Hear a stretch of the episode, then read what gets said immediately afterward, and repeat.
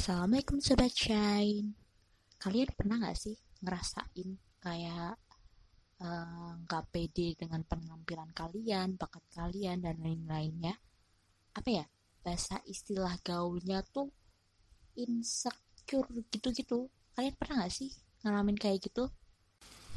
Nah, sekarang aku mau bahas tentang kisah-kisah teman-teman kita yang juga ngalamin insecurity ini. Kita mulai dari teman-teman kita yang ngalamin insecure tentang penampilan mereka ya. Dear Shine, aku punya gebetan yang selalu mengejek aku secara fisik. Dia selalu bilang aku buluk, jerawatan, gak menarik, dan lain-lain. Itu membuat aku insecure.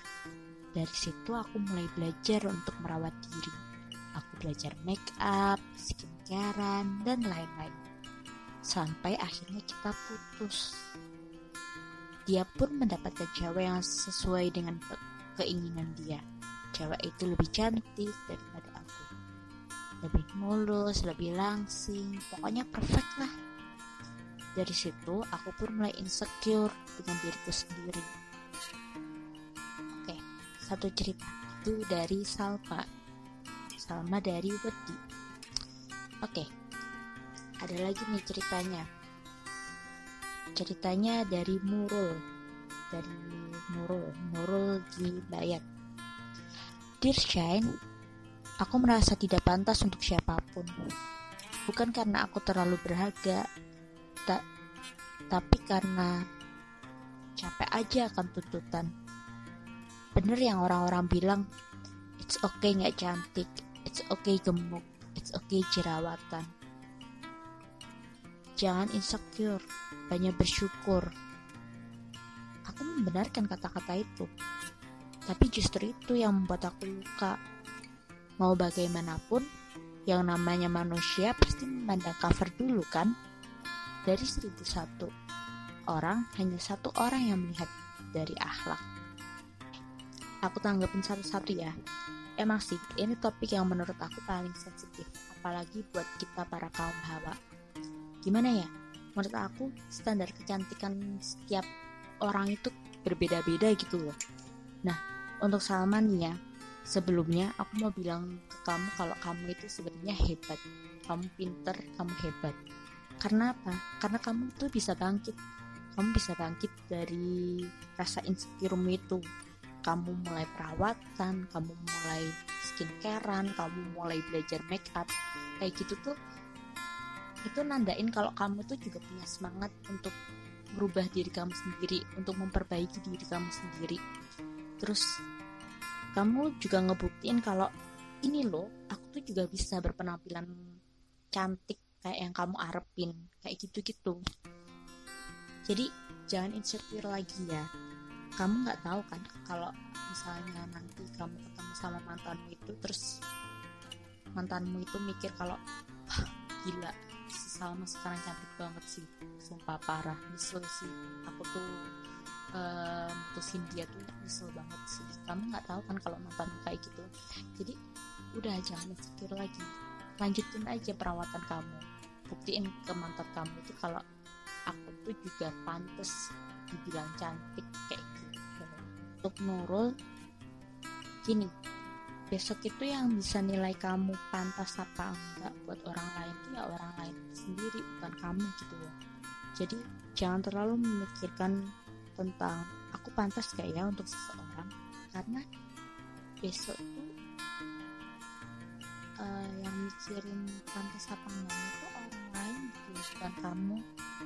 Nah juga kan Allah kan juga udah janjikan bahwa kita itu bakal dikasih jodoh. Ya kan? Jadi ya udah. Ya udah kamu tuh besok tuh bakal pantas untuk satu orang gitu. Jadi mulai sekarang mulailah berpikiran bahwa setidaknya aku besok pantas untuk satu orang. Bukan lagi berpikiran bahwa aku pantas kayak untuk seseorang. Ubah mindset kamu itu. Terus tadi kan kamu kan bilang kan ya uh, kalau dari seribu satu orang hanya satu orang yang melihat akhlak. Nah, siapa tahu nih besok jodoh kamu itu satu orang yang melihat akhlak itu. Ya kan nggak tahu kan ya siapa jodohnya ya. Jadi jangan merasa insecure lagi. Selanjutnya ada cerita dari sahabat-sahabat Shane yang rasa insecure dengan kemampuan mereka. Oke langsung aja ya. Dear Shine, aku adalah seorang mahasiswi di salah satu perguruan tinggi negeri di Solo.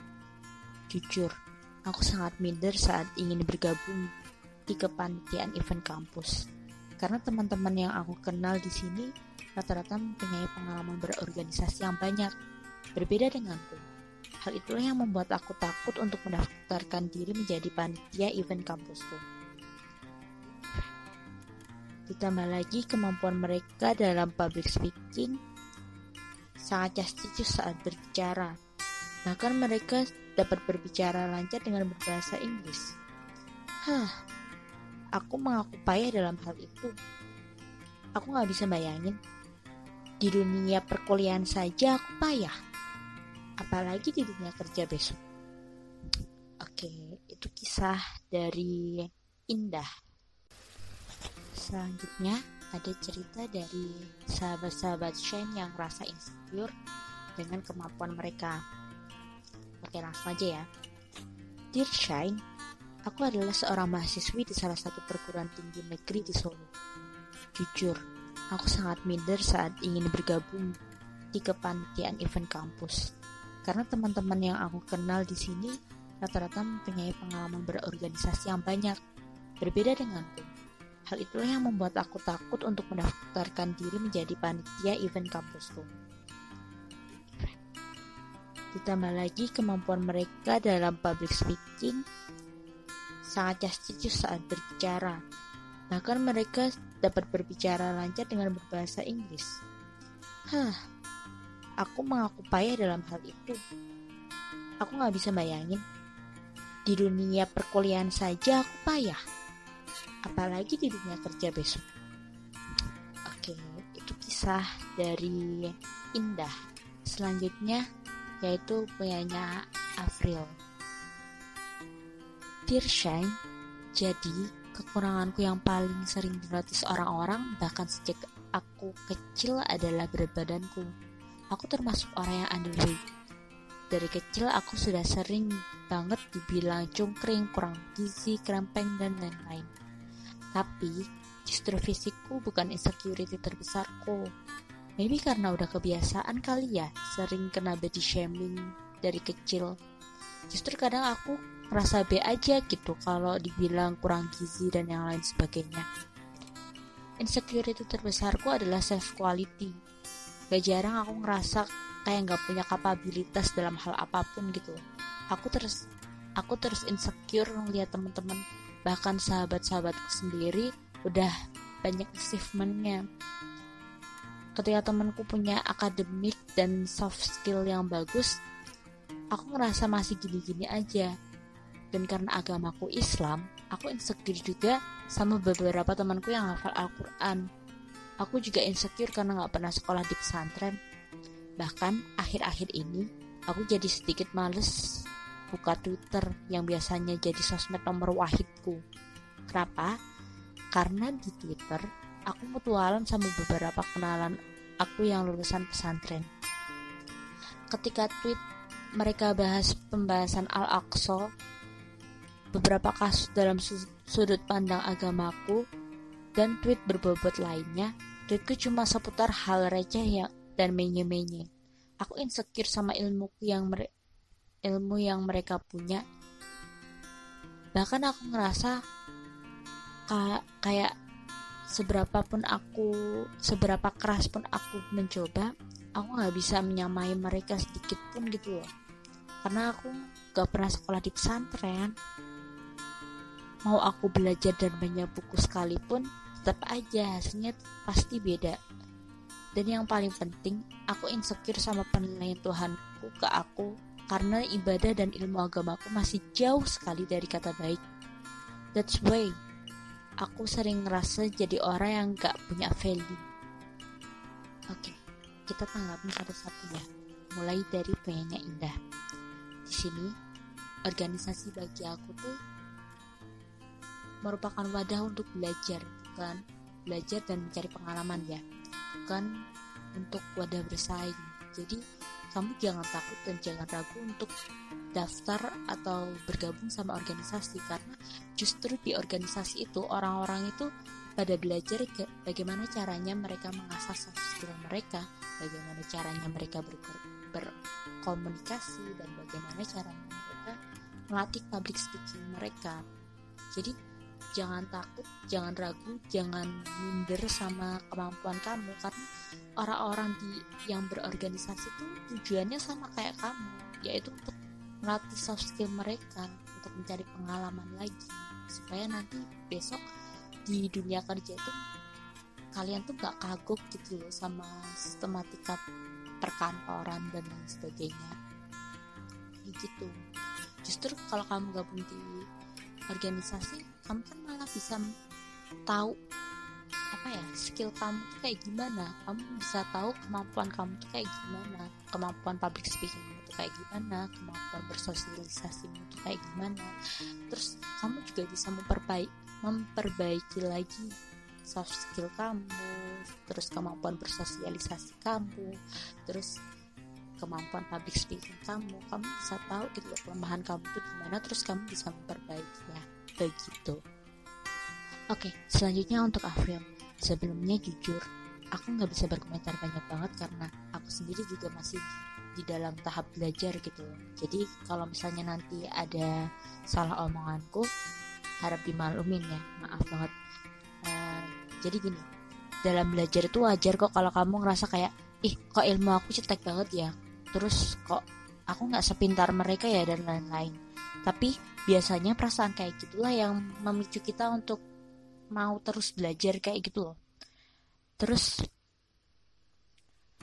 belajar tuh nggak harus di pesantren kok. Dengan kamu mutualan kayak yang kamu ceritain tadi sama teman-teman kamu kamu menyimak sharing ilmu mereka itu juga termasuk belajar kok. Jangan malu untuk bilang aku nggak tahu kayak gitu. Karena tujuan orang bilang nggak tahu itu ya biar mereka dikasih tahu supaya jadi tahu gitu. Tahu kan? Nah udah. Jadi udah nggak usah terlalu dipikirin lagi gitu loh. Allah tahu kok mana hambanya yang berusaha. Allah juga nggak bakal benci kamu karena ilmu agamamu yang kurang. Di mata Allah tuh semua sama.